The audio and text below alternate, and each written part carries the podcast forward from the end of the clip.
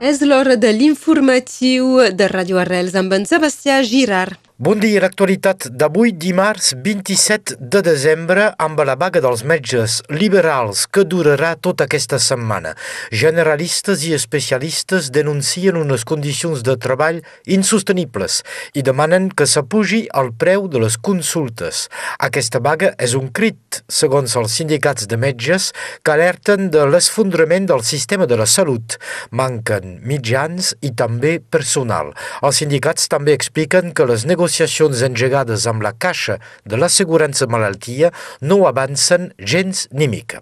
És un fet excepcional per la temporada. Aquest Nadal es va alliberar aigua del baratge de la Bullosa per alimentar la xarxa potable del Conflent. Seguint la demanda de la sotprefectura de Prada, la Societat Hidroelèctrica propietari del baratge, la XEM, va alliberar 250 litres per segon entre el 21 i el 24 de desembre. Un fet que sol ser habitual entre juny i setembre i que per primera vegada és necessari a l'inici de l'hivern.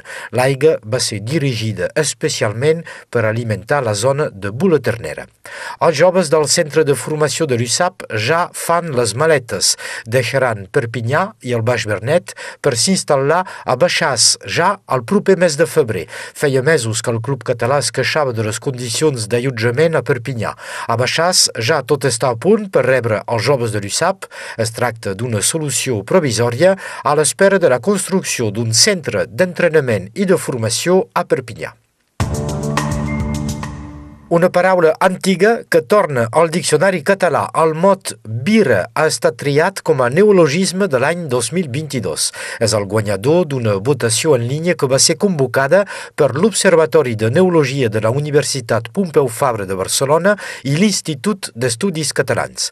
El mot vira és un cas curiós, ja que no es pot dir que sigui una paraula nova. Al contrari, és una paraula antiga i prou utilitzada, però no era pas encara al diccionari. Els anys anteriors, els neologismes escollits van ser emergència climàtica el 2019, coronavirus el 2020 i negacionisme el 2021. El temps és relatiu. Amb el passatge al 2023, els coreans se faran més joves. El Parlament de Corea del Sud ha decidit d'adoptar el sistema internacional de càlcul de l'edat. El mètode coreà tradicional, que existeix des de fa segles, comptava el temps de gestació. Els nadons naixien, doncs, amb un any d'edat. A més a més, independentment de la data d'aniversari, amb el mètode coreà tradicional es compleix un any més automàticament el primer de gener. Això fa que a Corea del Sud un nadó d'un dia, nascut el 31 de desembre, ja tingui dos anys l'endemà.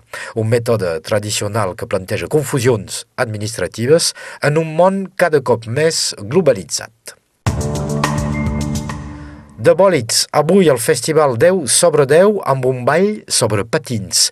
Free Roller Dancing, el programa amb els DJs Ludi i Isidor. Després del ball, concurs de monopatins i al vespre, concert d'improvisació hip-hop i actuació de Da Llan.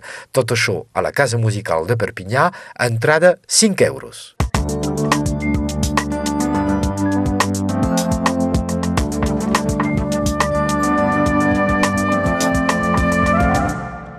Moltes gràcies, Sebastià. Fins aquí les notícies. Passem ara a l'informació del temps amb Meritxell Cristòfol.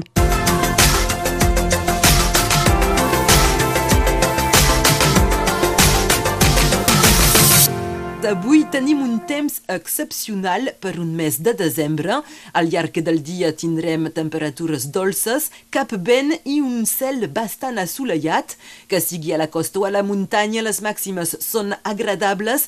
16 graus a Perpinyà, a Òpol i a Banyuls de la Marenda, 15 a Sant Cebrià, 14 a Serret, 12 graus a Canavelles, 11 a Caià i a Montferrer, 10 a Estabar i 6 graus als Angles.